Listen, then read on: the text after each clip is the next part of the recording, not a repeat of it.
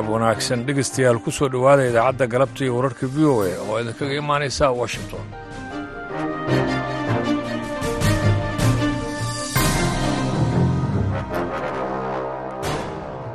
Dhegaystayaal waa galab axad ah bisha maarj ee sannadka ah labada kun afar iyo labaatankana waa saddex waxaadna haatan naga dhegaysanaysaan mawjadaha gaagaaban ee lix iyo tobanka iyo sagaal iyo tobanka mitrband iyo boggeena v o a somaali com saacadduna haatan afrikada bari waxa ay tilmaamaysaa afartii galabnimo. Idaacadda galabta iyo wararka v o a waxaa idiin soo jeedinaya anigu ah ibraahim xasan garabey daanduray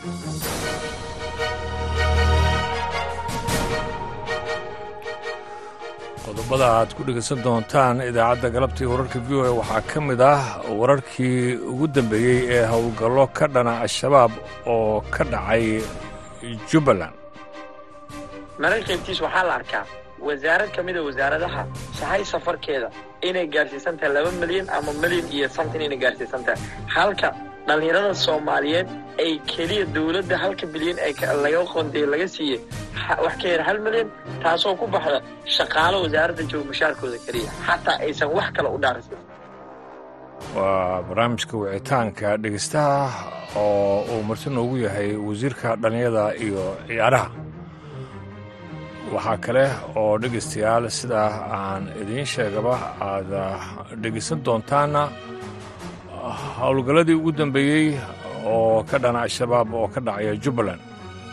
Shalay saddex goobood oo dagaal ka dhacay oo xawaariijta loogu tegey meelaha ay godood ka qoteen meeshaa waa lagu laayey maxaabiis baa laga qabtay ugu yaraan sideed baa meel laga qabtay labana meel baa laga qabtay. Toban maxaabiis baa gacanta lagu haya ciidan ugu yaraan saddex iyo tobana waa laga laayay qoryihii waa laga hayaa.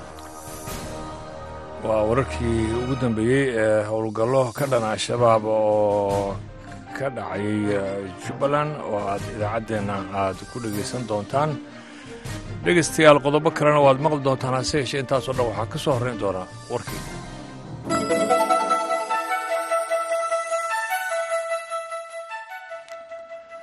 sarkaal sare oo ka tirsan maraykanka ayaa sheegay in israa'iil ay aqbashay habka loo dhigay heshiis xabad joojineed oo ku saabsan dagaalka khaza oo ay ku jiraan in la sii daayo lahaystayaasha israa'iil. Sarkaalkan maraykanka ah oo ka gaabsaday magaciisa in la shaaciyo ayaa weriyaasha wuxuu u sheegay in haatan laga warsugayo dhinaca xamaas isagoo intaasina ku daray in maraykanka si adag uu u riixayo in heshiisku u dhaqan galo haddii xamaas ay aqbasho heshiiskan cusub ayaa wuxuu dhigayaa in muddo lix toddobaada la joojiyo dagaalka islamarkaasina la sii daayo maxaabiista nugul. Sidoo kaleeto waxaa heshiiska uu dhigayaa in kooxaha gargaarka bini'aadminimo loo ogolaado in ay galaan marinka khaza ilo ku dhowdhow masar iyo xamaas ayaa sheegay in xamaas aanay ku niyad samayn heshiiskan xabadjoojineed ee kumeelgaarka ah oo ay doonayso heshiis rasmi ah oo lagu joojinayo dagaalka. Madaxweynaha falastiin maxamuud cabbaas ayaa booqasho ku tegi doona dalka turkiga toddobaadka soo socda si markaasi uu ugala hadlo mas'uuliyiinta dalkaasi dagaalka khaza iyo dadaalada dib u heshiisiineed ee u dhexeeya falastiin iyo israa'iil. Sidaasna waxaa maanta oo axada sheegay wasiirka arrimaha dibadda ee turkiga hakan fidan booqashadan ayaa waxa ay ku beegmaysaa iyadoo ay socoto diblomaasiyad xooggan oo lagu hakinayo dagaalka ku dhowaad shan bilood socday ee u dhexeeya israa'iil iyo xamaas ee ka dhashay weeraradii xamaas ay ku qaaday israa'iil toddobadii oktoobar dalalka masar qatar iyo maraykanka ayaa dhexdhexaadinayay wadahadallo toddobaadyo socday oo lagu xaqiijinayo xabad joojin. Markaa laga bilaabo bisha barakaysan ee ramadaan ee muslimiinta ah. Wasiirka arrimaha dibadda ee turkiga hakan fidan ayaa waxa uu sheegay in ay jiraan rabitaan iyo dadaal dhab ah oo lagu doonayo in lagu gaaro xabajoojin ka hor bisha barakaysan ee ramadaan isagoo khudbadna ka jeediyey madal diblomaasiyadeed oo sanadla ah oo lagu qabtay magaalo xeebeedka loo dalxiis tago ee antalya oo hadalkaasi ka sheegay. Filan ayaa waxa uu xaqiijiyey in cabaas uu talaadada booqasho uu ku tegi doono caasimadda turkiga ee ankara kadib casumaad uu ka helay madaxweyne rajab dayib erdogan oo si weyn ugu ololeeya qadiyadda falastiin wuxuuna sheegay in labada hogaamiye ay ka wada hadli doonaan arrimo ay ka mid yihiin horumarka falastiin qaabka uu hadda dagaalku u socdo iyo sidoo kaleeto wadaxaajoodka ku dhowaad boqol iyo toddobaatan qof ayaa lagu dilay weeraro toddobaad ka hor lagu qaaday saddex tuulo oo ku yaalla waqooyiga burkina faso sida uu maanta sheegay dacwad oogaha gobolka iyadoo rabshadahaasna ay qaadayaan kooxo hubaysan oo la sheegay in markaasi ay ka socdaan halkaasi isla maalintii uu falkaasi dhacay oo ku beegnayd shan iyo labaatankii februari ayaa weeraro kala duwan oo lagu kala qaaday. masaajid ku yaalla bariga burkina faso iyo kiniisadda katoliga ah oo ku taalla waqooyiga dalkaasi ayaa waxaa lagu dilay tobannaan qof oo kale. Ele benjamin culipeli oo ah dacwada ogaha gobolka iyo tenga ayaa sheegay in uu helay warbixinno ku saabsan weeraradii lagu qaaday tuulooyinka komsilga norden iyo sroe ee gobolkaasi shan iyo labaatankii februari iyadoo tirada horu dhacana ay sheegayso ku dhowaada boqol iyo toddobaatan qof oo la dilay.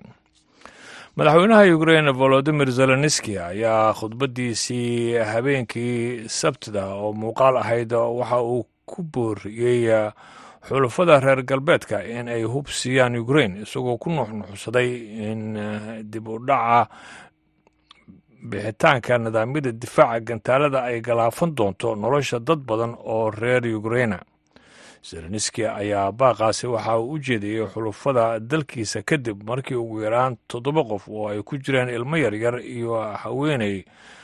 Lagu dilay duqayn diyaarad aan duuliyo lahayn ee ruushka sabtidii uu markaasi ka geystay guri dabaq ah oo ku yaalla magaalada dekadda leh ee odessa ee koonfurta ukrain sida ay sheegeen mas'uuliyiinta gobolka. Warkiina dhegeystayaal waa naga intaas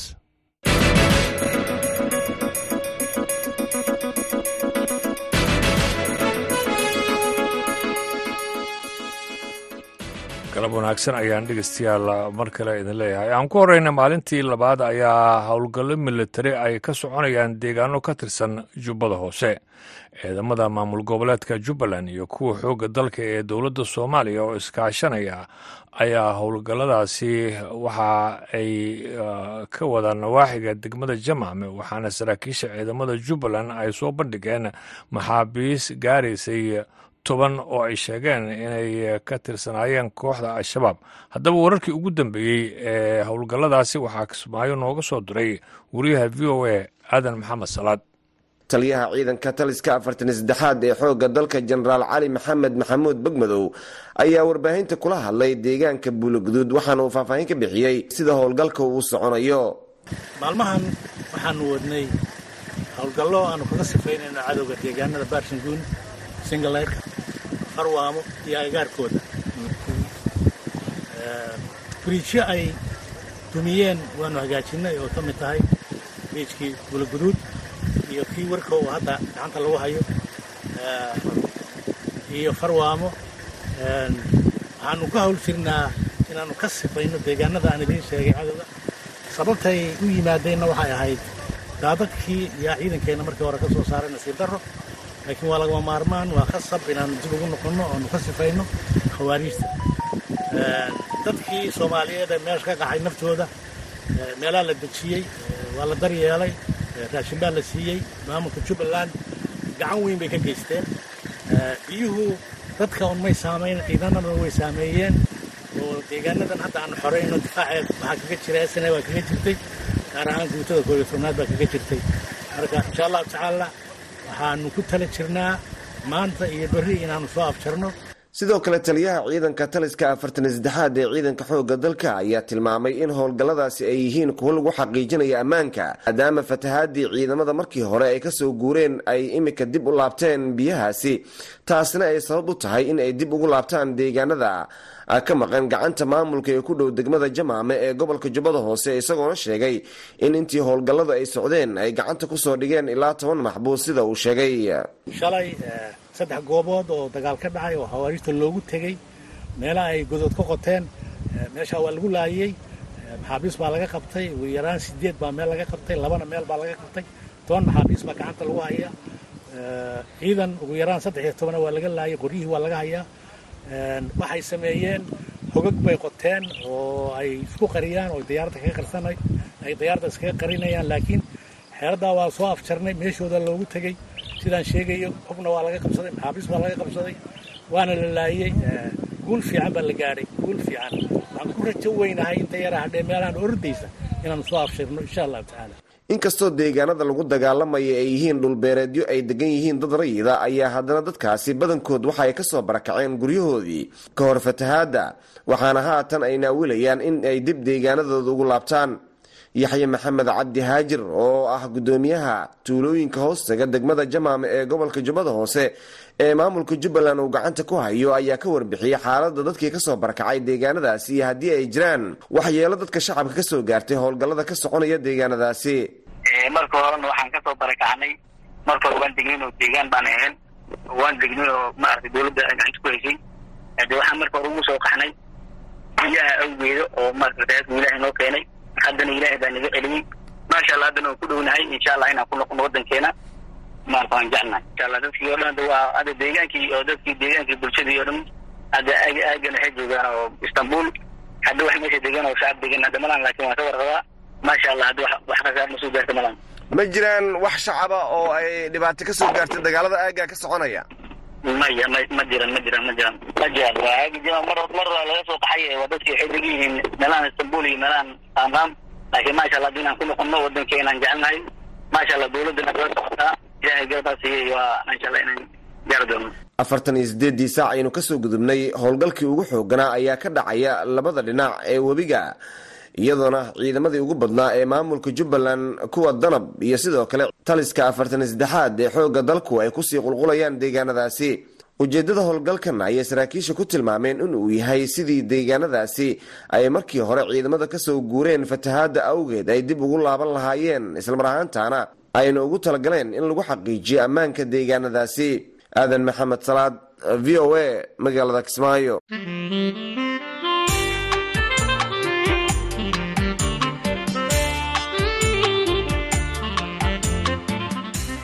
warbixin ay soo saartay qaramada midoobay ayaa lagu sheegay in ku dhowaad kow iyo toban bilood oo dalka suudaan ay ka socdeen dagaalo sababay dilwadareed barakac burbur hanti iyo xadgudubyo xaddhaafa oo ka dhana xuquuqda aadanaha kuwaasi oo dhibaato aan la qiyaasi karaynin u geystay malaayiin dada. Waxaana la sheegayaa in dhibaatooyinkaasi dunida inteeda kale la iloobay. Liza shlein ayaa warbixintan ka soo dirtay jeneva waxaa soo jeedinaysa caashi ibraahim aadan. Dhibaatada dalka suudaan ka jirta waa masiibo u muuqata in ay ku dhex siibatay oo ay ku sii dhacday ceeryaamo caalami ah. Valker tark oo ah madaxa qaramada midoobey u qaabilsan xuquuqul insaanka ayaa yiri intii lagu guda jiray wadahadal isdhexgal ah oo ku saabsan xaaladda ka taagan dalka suudaan oo ka dhacday golaha xuquuqda aadanaha ee qaramada midoobay maalintii jimcaha. Teerka ayaa waxa uu soo bandhigay qiimeyn ba'an oo mugdi ah oo lagu sameeyey nolosha suudaan. Ka jirta tan iyo markii ay iska hor yimaadeen jenaraalada ciidamada qalabka sida ee suudaan iyo xogaga taageerada deg dega ah ay dalka gelisay. Sida hadalka loo dhigay colaad aan naxariis lahayn oo aan macno lahayn shan iyo tobankii bishii abriil waxay sameeyeen jawi argagax leh oo malaayiin ku khasbay in ay cararaan ayuu yiri oo waxa ay si joogto ah ugu dhaqmeen iyada oo aan la ciqaabin oo aan lala xisaabtamin lagalana xisaabtamin xadgudubyada ba'an ee la sameeyey. Waxa uu sheegay in warbixintu ay muujinayso xadgudubyo iyo tacadiyo kala duwan oo ay geysteen dhinacyada isku haya dalka suudaan isaga oo xusay in badan oo ka mid a xadgudubyadaasi ay noqon karaan dembiyo dagaal amaba dembiyo kale oo foolxun tan iyo markii uu dagaalku bilowday qaramada midoobey ayaa waxa ay sheegtay in ugu yaraan afar iyo toban kun iyo lix boqol oo qof la dilay lix iyo labaatan kun oo kalena lagu dhaawacay. Hay'adda qaramada midoobey u qaabilsan qaxootiga u n h c r ayaa ku waramaysa in dagaalka uu xididada u siibay sideed dhibic hal milyan oo qof lix dhibic saddex milyan oo gudaha dalka suudaana iyo hal dhibic sideed milyan oo qaxooti ah oo ku nool shan wadan oo dariska ah taas oo ka dhigaysa suudaan dhibaatada barakaca ugu weyn ee adduunka. Suudaan waxa ay maanta wajahaysaa mid ka mid ah dhibaatooyinka bini'aadminimo ee ugu xun adduunka taasoo ay sabab u tahay iska horimaadka hubaysan ee bilowday shan iyo tobankii abriil ayay tiri hana sarwa tete oo ah ergeyga gaarka ah ee qaramada midoobay u qaabilsan geeska afrika iyada oo raacisay siddeed iyo toban milyan oo qof ayaa wajahaya gaajo daran. Shan iyo labaatan milyanna waxay u baahan yihiin gargaar bini'aadminimo. Dadka reer suudaan ayaa qaba dhibaatada ugu weyn ee iska horimaadka udubdhexaadka u ah militariga iyo hay'adaha amniga taasoo ah mid u dhexaysa ciidamada qalabka sida ee dalka suudaan iyo xoogaga taageerada deg dega ah ayay tiri madaxa sare ee tark ayaa sheegay in dagaalka ka socda dalka suudaan aan lagu qaadin oo keliya diyaaradaha dagaalka kuwa aan duuliyaha lahayn taangiyada iyo hubka kale ee culus. Rabshadaha xagga galmada oo ah hub dagaal oo uu ku jiro kufsigu waxay ahayd sifo amaba ficil qeexan oo la quursado ee dhibaatadan tan iyo bilowgii ayuu yiri isaga oo hoosta ka xariiqay in xafiiskiisa uu diiwaan geliyey lixdan dhacdo oo rabshado galmo ah oo la xiriira colaadda. Oo ay ku lug leeyihiin ugu yaraan boqol iyo labaatan dhibanayaal oo guud ahaan dalka gudihiisa ah oo u badan haween iyo gabdho. Tirooyinkani waxa ay si murugo leh u muujinayaan xaqiiqda dhabta ah ragga ku labisan dareeska amaba labiska r s f ta iyo rag hubaysan oo xiriir la leh r s f ayaa la sheegay inay mas'uul ka ahaayeen koob iyo siddeetan boqolkiiba shilalka la diiwaan geliyey ayuu yidhi tark. Waxa uu walaac ka muujiyey korarka dilalka salka ku haya qowmiyadaha masiirka kumanaan rayid ah oo labada dhinaca iyo sidoo kale kuwo raacsan ay u xiran yihiin amaba ku xiran yihiin xabsiyada sharci darrada ah iyo askaraynta carruurta. Xafiiskaygu waxa uu diiwaan geliyey warbixinno sheegaya in r s f ay boqolaal carruur ah u qorato dagaalyahanada gudaha daarfuur oo saafna ay sidaas oo kale sameeyaan bariga suudaan ayuu yidhi waxa uu sheegay in uu helay warbixinno dhib badan oo ku saabsan in dadka rayidka ah ay laftoodu isku abaabulaan dhaqdhaqaaqa cusub ee isku caabinta hubaysan ee caanka ah. Waxaa jirta cabsi dhab ah oo ay tani keeni karto in la sameeyo maleeshiya rayid ah oo hubaysan oo aan lahayn xukun qeexan taasoo kordhinaysa fursadaha dalka suudaan uu ugu sii gudbi karo dagaal sokeeye oo daba dheeraada. Walaacaas waxaa ka dhawaajisay ergeyga gaarka ah ee tete oo tiri khatarta ugu daran ee dalka suudaan khatarta gelinaysa waa kala qaybsanaan dhab ah oo u dhexaysa dhulalka ay maamulaan r s f iyo saf beesha caalamku waa in ay ka hortagaan khatartan qaybsanaanta dhabta ah iyaga oo taageeraya oo fududaynaya hannaan ay suudaan leedahay oo ay suudaantu hogaaminayso oo wax looga qabanayo sababaha khilaafka ayay tiri iyada oo ku nuuxnuuxsatay in aysan suurtagal ahayn in laba ciidan oo militari oo ishaya ay wada jiraan. Warbixintii liza shlein waxaa soo jeedinaysa caashi ibraahim aadan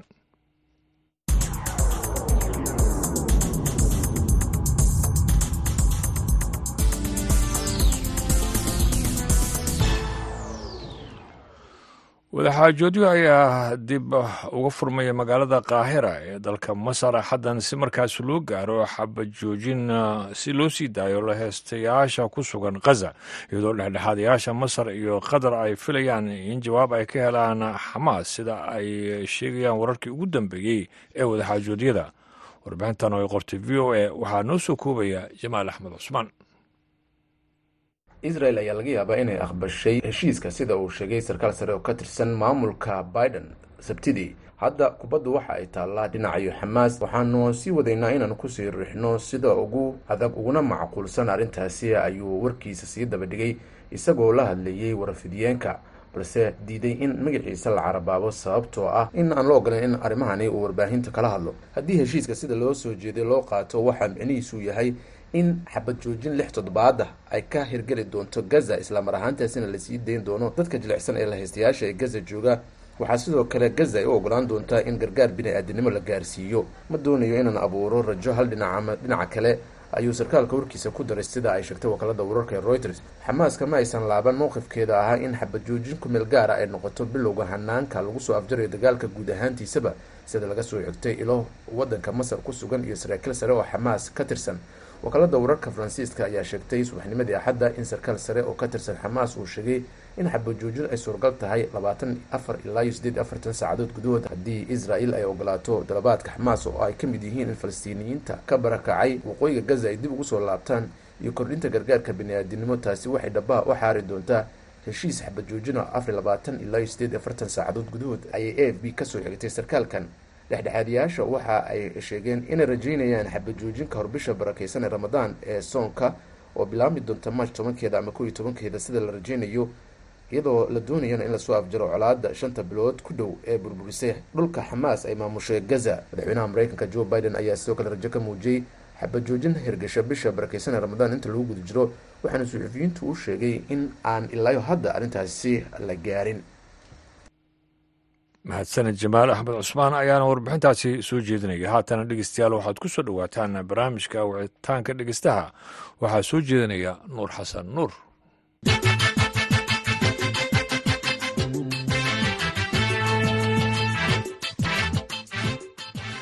Kulan wanaagsan dhegaystayaal. Kusoo dhowaada mar kale iyo barnaamijka wicitaanka dhegaystaha shacabka ku nool soomaaliya ayaa intooda badani ay yihiin dhallinyaro sida ku cad qaar ka mid ah warbixinno caalami ah in ka badan toddobaatan boqolkiiba dadka soomaaliya ayay da'dooda ka hoosaysaa soddon sanno haddaba maxay yihiin caqabadaha ugu badan ee haysta dhallinyarada soomaalida? Waa sidee xaddiga shaqola'aanta kaalin intee la eg ayay dowladda soomaaliya ka ciyaaraysaa shaqo abuurista dhallinyarada? Sideese looga faa'iidaysan karaa aqoonta xoogga iyo maskaxda dhallinyarada? Su'aalahaasi iyo kuwo kale waxaa nooga jawaabi doona wasiirka dhallinyarada iyo ciyaaraha soomaaliya maxamed barre maxamuud wasiir marka hore ku soo dhowow barnaamijka wicitaanka dhegeystaha. Waa mahadsantaa nuur? Waa ku dhawaa barnaamijka. Bal marka hore noo faahfaahay tan iyo markii aad wasaaradda timid waxa idiin qabsoomay adiga oo soo koobay. Waa mahadsan tahay nuur runtii horta wasaaraddu waxaa hadda joogaa muddo adiga sanad iyo lix bilood aan dhihi karo. Wasaaraddu wasaarad aada u weyn waaye wasaaradda dhalinyarada sportska waxayna ka kooban tahay laba garabo waaweyn oo bulshada soomaaliyeed muhiima bacdimaa bulshada soomaliyeed ay yihiin numberka ugu badan ay yihiin dhalinyaro markaan ku hormara xagga arrimaha dhalinyarada waxyaalaha ugu muhiimsan aan ka qaban waxaa ka mid ah markaan ka soo tagno inaan ururada dhalinyarada oo aan u samaynay diiwaangelino aan u samaynay maxaa lahaa isku xirid iyo coordination oo isku dubid ah sidoo kale aan u samaynay barnaamijyo badan oo tababaro oo caygooda iyo aqoontooda kor loogu qaadayo welina aan gacanta ku sii hayno oo aysan ka marneen intii ay baahidooda ahayd aan weli la gaarin targetka. Waxaan noo qabsoon waxaa ka mid ah sannadkii tegey twenty three shirweynaha qarno dhalinyarada oo isaguna aan heer caalami ama forum caalami aan ku qabanay dhalinyaro soomaaliyeed oo kun iyo shan boqol gaarayso aan isaga keennay guud ahaan gobollada dalka iyo magaalada muqdisho iyo daafaha caalamka waxaa kaloo shirkaas aan ku soo bandhignay ama aan ku launjigaraynay sanadkaas noo qabsoomay siyaasadda qaran ee dhalinyarada oo markii ugu horeysay dhalinyaro soomaaliyeed siyaasadda ay qoreen aqoon-yahano soomaaliyeed ee qoreen oo dhalinyaro ah kuwa dhalinyaraha ay maxaa la dhahaa sameeyeen consultationka ee la sameeyen dhalinyarada dhalinyarada laga soo arooriyay fikradooda guud ahaan siyaasaddaasna ay ahayd siyaasad dhalinyarada soomaaliyeed. Gobol kasta aan ka tagnay state waliba dhalinyarada meel isugu keenayna elite ilaa laba boqol saddex boqol oo dhalinyaro aan ku weydiinaynay maxaa priority u ah muddada shanta ama toddobada sano? Soo socotee dhalinyarada taas waxay ka mid ahayd gurihii waaweynaa dhalinyaradaas dhanka sportska markaan soo kooba ayaduna runtii isku dayo waaweyn aan sameynay. Marka ugu horreysay aan xafiis ka nimid waxaan consultation la sameynay dhammaan xiriirada iyo guddiga olombicada wadahadal dheer kadib waxaan isku fahnay in hadda kadib wax walba sportska waxyaalaha ayagana ay u baahan yihiin caqabadaha ay noo soo gudbiyaan annaguna aan ka wasaarad ahaan aan la galno maxaa la lahaa lobby sida loo horumarin lahaa. Marka ugu horreysana waxaan gacantu la kowsanay ayada tahay ciyaarihii dhalinyarada toban todoba jirada sakaafa waxaad daragaran kartaan dadaalka ay markaas wasaaradda dardarka ay ku samaysay iyo ayadoo kaashanaysa markaas xiriirka kubadda cagta ee shaqada ku lahayd in wasaaraddu ay ku guuleysatay. Xulkeena qaranka toban todoba jirada inay noqdaan champion marka ugu horeysa soomaaliya oo taasna ay ahayd taariikh ama guul noo soo hoyatay. Muddo afartan sano ka badan xulkeena qaranka kubadda cagta uusan soo gaarin guul taas oo kale oo taariikhi ah. Ilmaha toban todoba jirada sidaas si lamida waxyaalihii inooga qabsoon waaweynaha guulaha waaweynaha waxaa ka mid ahaa. Soomaaliya marka ugu horeysa ayadana qualificationska ee world cupka inay ka mid noqotay inay cayaarto sanadii dhammaatay waxa ayadana si la mid a aan taariikh ahaan waxyaalaan ka xasuusan sportska aan samayn waxaa ka mid ah inaan wasaaraddu halkudhig waxaan u sameynay la yidhahdo no one left behind. Qofna cidna cidlo loogama tago. Waxaan sameeyay marka ugu horeysa waxaan abaabulnay koob dadka baayaha gaarka qaba gaar ahaan dhalinyarada maqalkala marka ugu horeysan aan ku cayaarsiin isbartiibada ama garoon weyn aynu gelinay in ka badan boqol iyo sideetan cayaarood labiyo toban kooxood oo maqalkala muddo lix bilood horyaal socda ayaduna ay u soo gebagabeynay ayada ugu dambeysay waxyaalihii sportska xaggiisa nooga qabsoomay xagga maxaa la dhahaa iyaduna tartankii xiisaha badnaa ee dowlad goboleedyada asaguna aan ku qabanay garoonka weyne tuulada cayaaraha soddon iyo saddex sano kadib ay wasaaraddu gacanta ku dhigtay garoomada marka ugu horeysa iyaduna halkaa la geeyey garoonkaas tuulada cayaaraha kadib ciyaarihii gobollada dalka ugu dambeysay ciyaar sidaas oo kale xiisii xamaasad waleed lagu qabto ayaduna waad garan kartay lixdan iyo shan kun oo ilaa todobaatan kun oo taageero isu yimid. Taariikhda ugu dambeysay waxyaalay ka qabsantaase dhankaas lamidna footballka amina basketballka ayaguna ciyaaruhu iyo dhammaan xiriirada kale ayagana waxaa jiray xoogaa isbedelo oo xaggaas ah. Laakiin waxaan aaminsannahay gabagabadii waxaan aaminsannahay waxa aan qabanay iyo waxana laga sugayay inaysan isu dhegmin. Weliba faanol fare ka noqono waaya waa mahadsan tahay dhalinyarada waxaan ognahay soomaaliya in ay yihiin dadka ugu badan dadka soomaalida. Marka ma qiimeyseen ka wasaarad ahaan caqabadaha ugu badan ee ku horgudban dhalinyarta soomaalida? Dhalinyarada horta soomaaliyeed caqabadaha ugu waaweyn ee ku horgudban waxaan qiimeyn aan ku sameynay kadib waxaan aaminsannaha ama nooga soo baxay inay tahay dhalinyarada oo horta u baahan in xirfadahooda ama xagga waxa la yidhaahdo youth skilleska ama xirfadaha gacanta dhalinyarada tababaradooda in aada loo kordhiyo taasoo aada nooga liidata. Si la mid ah caqabadaha kaleo jira waxaa ka mid ah iyaduna fursadaha xagga shaqo ama shaqo abuurka. Sanad walba jaamacadaha waxaa ka soo baxo dhalinyaro lagu qiyaasay labayo labaatan ilaa saddex iyo labaatan kun oo dhalinyaro ah runtii saaxadda farsamo mataqaana shaqaduna ma saamixi karto intaasna ma wada qaadi karto.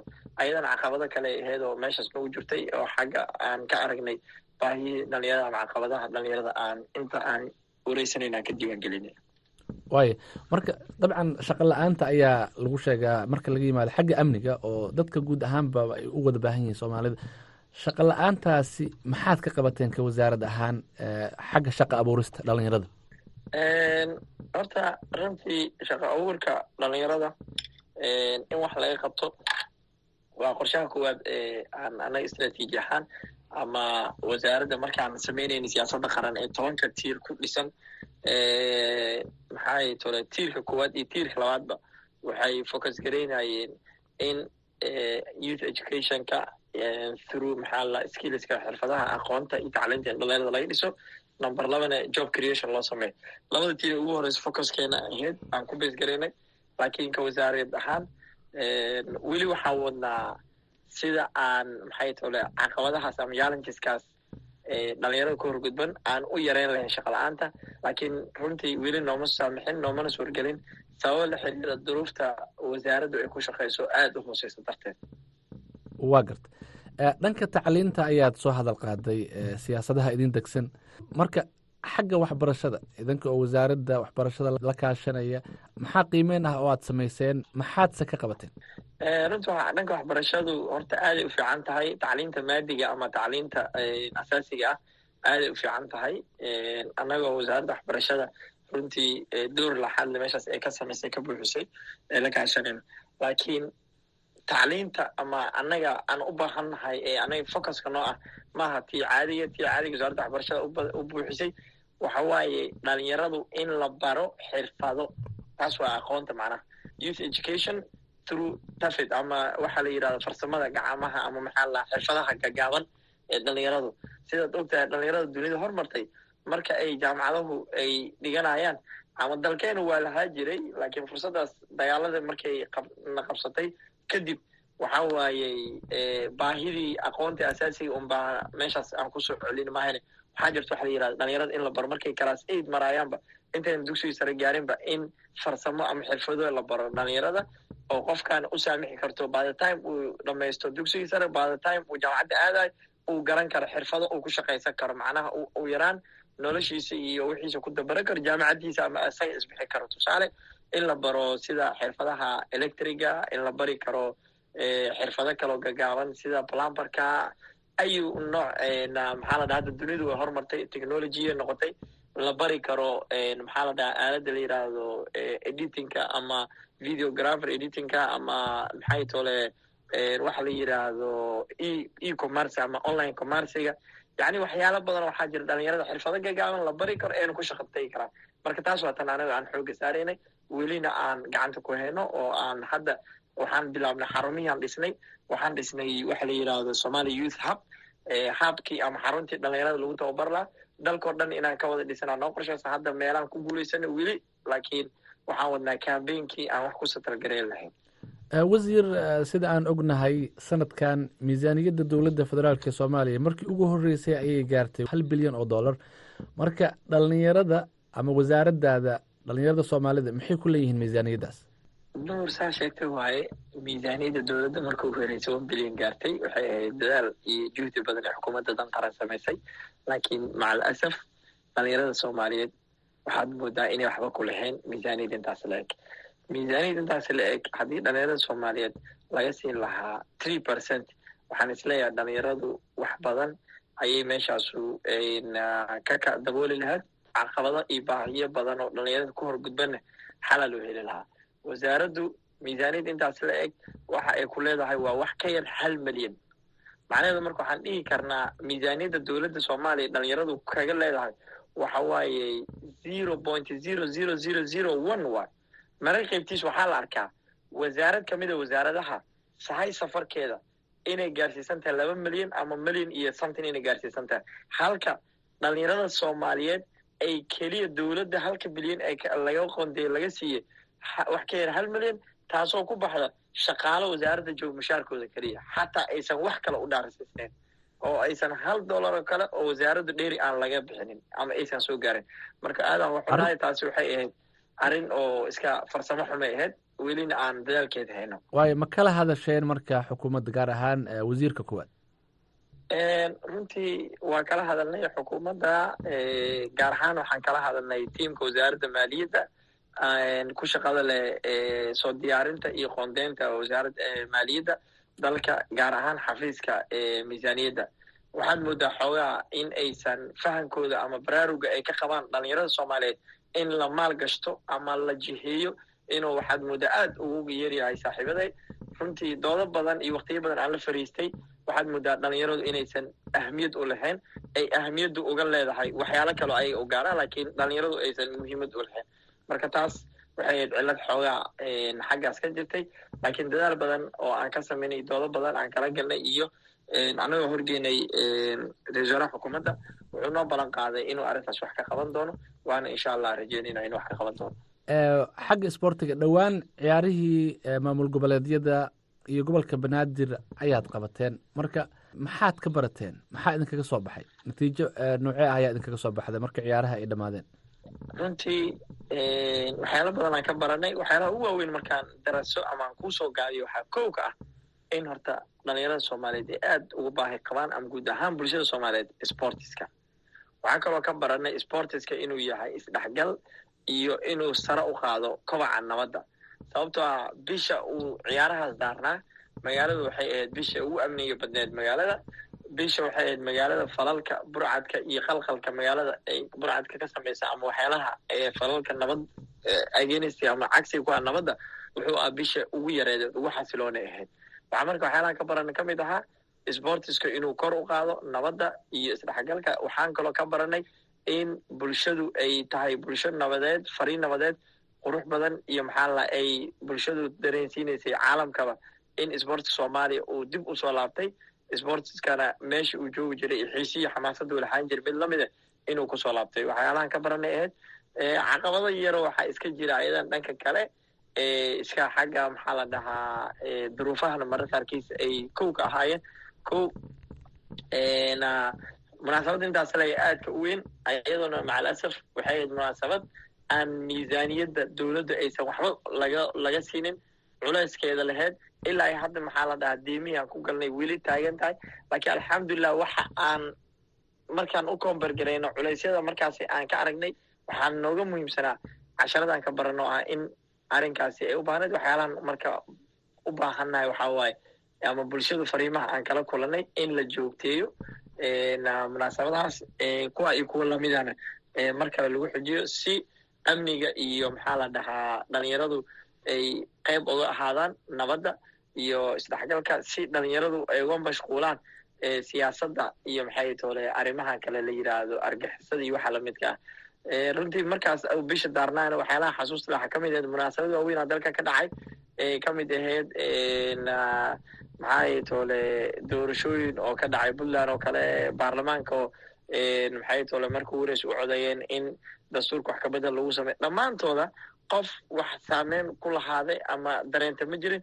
Bulshadu hadalheynta ugu weynay markaasi daarneed waxay ahayd bishaas sportiska iyo sida loo kala guulaysay iyo beri guulaysana iyo yaa dheelaa intaas ahayd marka waxyaalahan ka badan taas waxay ka mid ahayd in sportiska uu qayb weyn ka ahaa dadkan uu ka mashquulin kara sportiska siyaasadda iyo waxyaalaha negativeka ah waa mahadsantaa wasiir khadka iigu jir dowrkii dhegeystayaasha ayaan geli doonaa dhegeystaha ugu horreeya ayaana jeclahay in aan soo dhaweeyo soo dhawo walaal adigoo ku bilaabay magacaaga iyo halka aad joogto magacaygu waa muumin xasan siyaad oo jooga south africa wasiir maxamed bare iyo daadiyaha barnaamijka nuur bukhaari waa salaamatihiin laba su'aaloo ka kooban baa qabaa mudane wasiir su'aasha koowaad aniga south african joogaa mararka qaar dhacdooyin baa ka dhaca. Dad baa lagu dilaa dad baa lagu dhaawacaa. Hantidoodana waa lagu billiqaystaa dhalinyartaas cadaalad ma helaan. Maadaaman dowladu ay dowlad la hadli karto shacabka cod dheer tahay. Dowladda soomaaliyeed doorkii dadkaas uga aadanay aawe. Adigase maadaama wasiirka dhalinyarada aad tahay arrinkaas see kuu saameeyey maxaa akhbaaraadahoo nala wadaadi kartaa oo a wasaaradda arrimaha dibadda a u soo gudbiday amba hadda kabacdi kuu qorshaysa su'aasha labaad wasiir saa ognahay cayaarihii gobolka banaadir iyo maamul goboleedyada u dhexeeyey puntland kama soo qeybgelin koonfur galbeedna dhiig baa miishii ku daato waa ka baxeen. Marka maadaama cayaaruhu ay isdhexgal bulsho yihiin maxaa cayaartan cayaarta ku xigta? Kalsooni intee leeyahay dadku ku qabi karaa inay si nabada ku dhamaystaan? Arrinkaasa seed u xallideen. Runtii su'aashaas waan soo wediye south africa. Aadaynu saameysaa xanuunkeeda nagu leedahay markii laga taga xataa anoonan siyaasad ku jirin xataa oo banaanka ka taagna xataa markaan maqlo newska noocaas qof dhalinyaraha ganacsada ah waddankiisa nabaddaryo iyo nabad xumo amni xumo darteed oga tahriibay tahriib dheer kadib south africa haddana islan wixii uu ka cararay inay ku qabsato wallaahi aadaan oga murugooda oga xumaadaa haddana markay tahay mas'uuliyad gaara ee iga sii saaran tahayna ma ku sii jirto waxaan leeyahay horta inta markaasi meesha ku shahiday ilaahay horta u naxariisto janada fardosa ka waraabiyo. Intaas kadib runtii weli ma dhicin inaan kala hadalno wasaaradda arrimaha dibadda.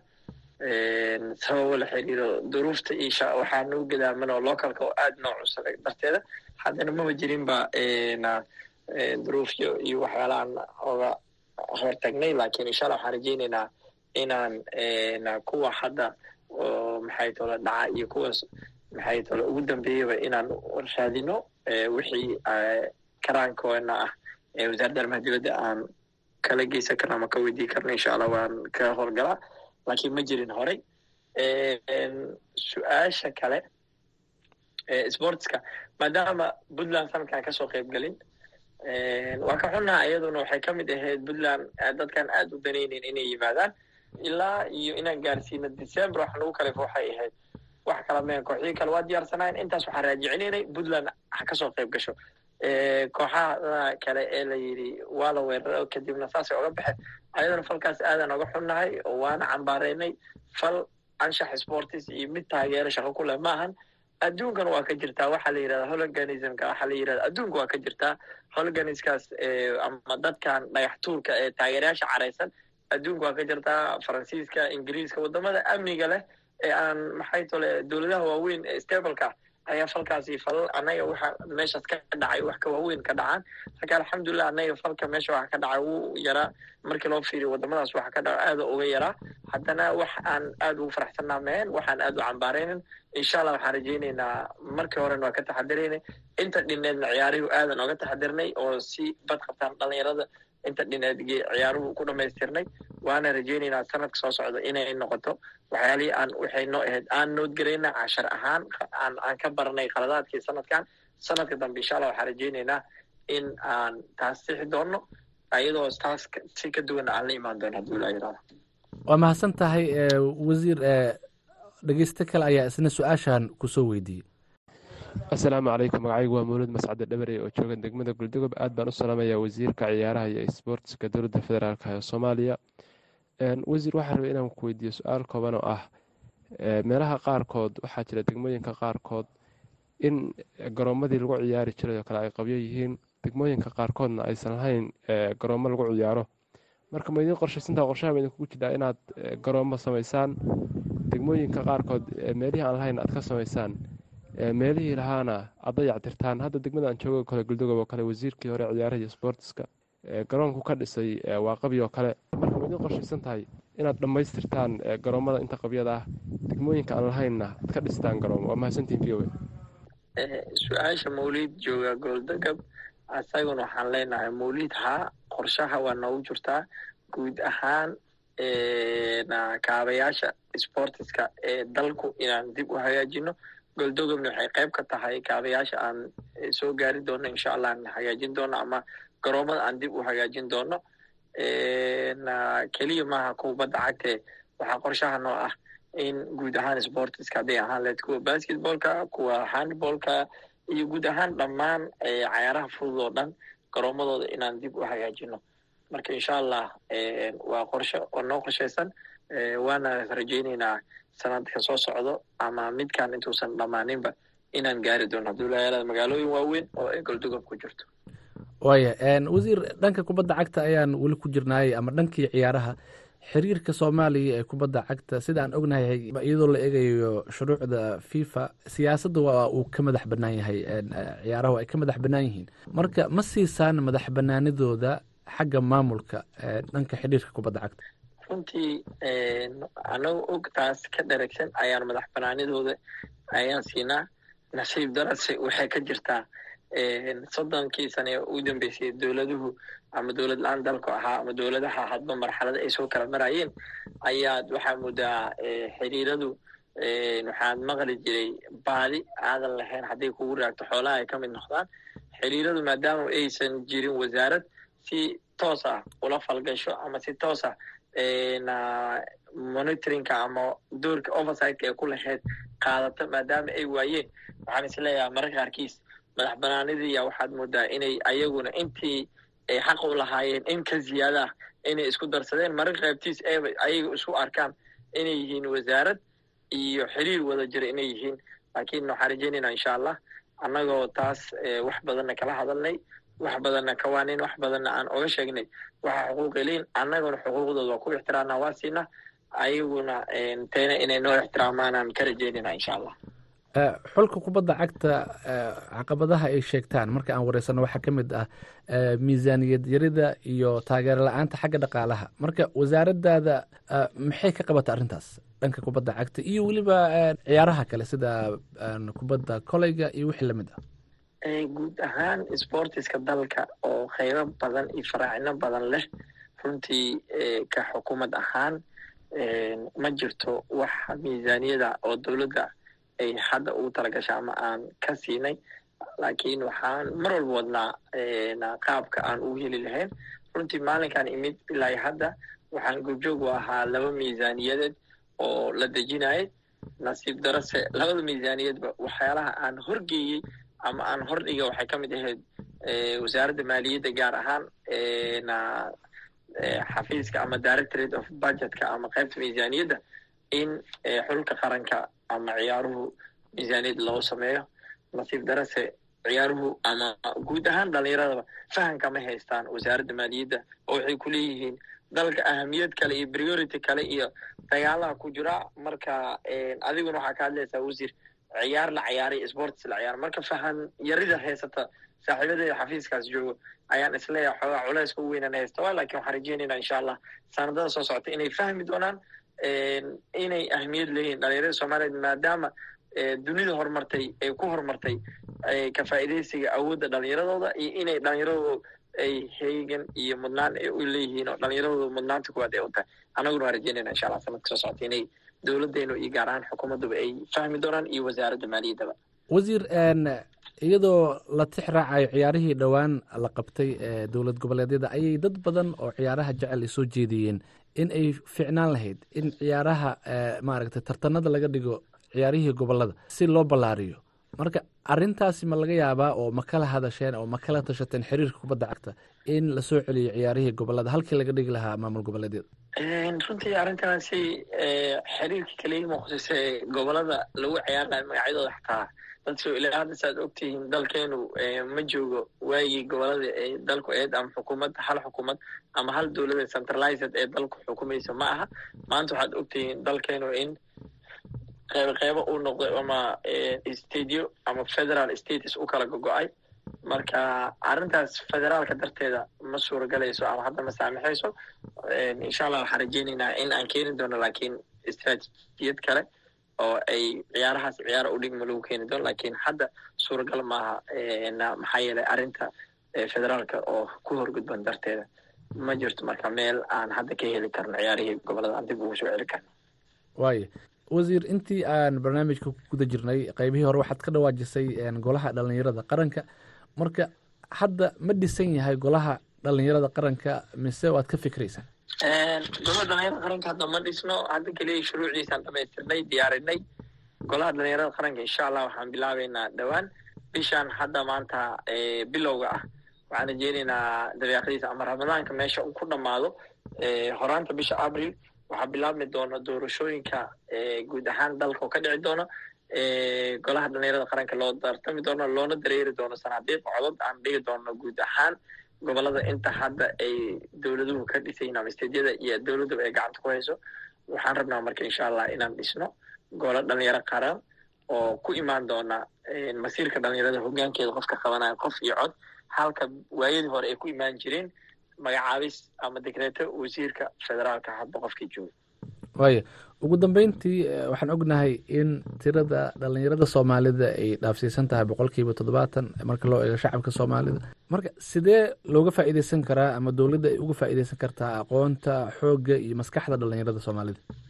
Runtii dhalinyarada soomaaliyeed waxay bulshada soomaaliyeed ka yihiin in ka badan boqol kiiba shan iyo toddobaatan. Mararka qaybtiis haddii dib loo fiiriyo boqol kiiba siddeetan ay madaxa la galaan. Haddana nasiib daro lagama faa'iideysa saasay yihiin laakiin waxaan aaminsannahay dhalinyarada soomaaliyeed haddii xoogoodii caqligooda maskaxdooda laga faa'iideysto loogu talagalo in faa'iidooyin badan laga heli karo dalkuna ay ku horumari karo. Hadda lafteedu meelaha qaybtood markii si kale loo fiiriyana waa laga faa'iideystaa hadday ahaan lahayd ciidanka hadda ugu badan dalkeenu maanta xooga dalka militariga booliiska dhammaan hay'adaha amniga nabsugidda dhammaan dadka ka wada howlgala ay yihiin dhalinyaro. In ka yar soddon iyo shan jir.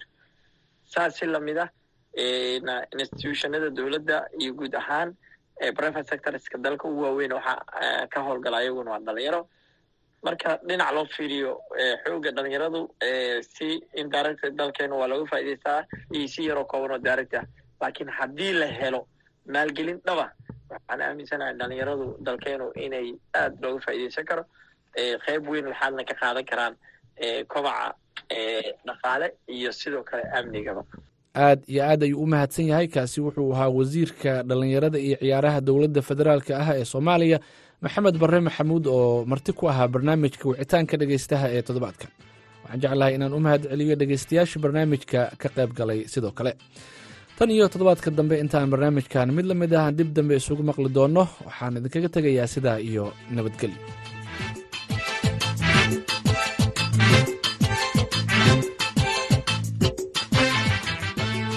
dhegeysateen xubintii wicitaanka dhegeystaha waxaa soo jeedinaya nuur xasan nuur nuur bukhaari haatana dhegeystayaal waxaad ku soo dhowaataan xubintii ciyaaraha.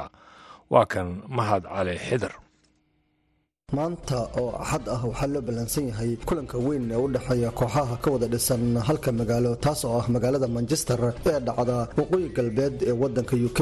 Kulankan badi loogu yeero derby manchester waxaa iskaga horyimaada man united iyo man city oo ka wada dheera horyaalka dalka ingiriiska. Kulanka manchester derby ayaa ka dhici doona garoonka itixad stadium maanta oo axad ah iyadoo manchester city ay soo dhoweyn doonto manchester united kulan ka tirsan premier leaga labada kooxood ayaa horaantii isbuucan ciyaaray kulamo ka tirsan koobka maxalliga ah ee f a kaabka iyadoo kooxda man city ay lix iyo laba ku garaacday kooxda luton halka ay united hal iyo eber kaga badisay kooxda nottingham forest. Dhanka kale man city ayaa guul ka gaartay banmouth toddobaadkii hore kulan ka tirsan horyaalka premier leaga laakiin kooxda kubadda cagta manchester united ayaa guuldaro laba gool iyo gool ah kala kulantay kooxda fulham oo ku soo booqatay garoonkooda old trafford kulankii ugu dambeeyey ee horyaalka ingiriiska. Kooxda beb guardiola ayaa ku jirta kaalinta labaad ee kala sarreynta horyaalka iyagoo afar dhibcood ka hooseeya kooxda hogaanka heese ee liverpool. Halka man united ay ku jirto kaalinta lixaad iyadoo lix dhibcood ka hooseysa tottenham hosbar oo ku jirta kaalinta shanaad ee horyaalka ingiriiska. Haddaba kulankan ayaan wax ka weydiiyey. Mucaashaqiinta kubadda cagta oo ay ugu horeeyaan saxafiyiinta ka faallooda ciyaaraha ee jooga magaalada muqdisho. Waxaana ugu horreeya siciid maxamed axmed madaale oo ka hadlaya kulanka weyn ee labada manchester.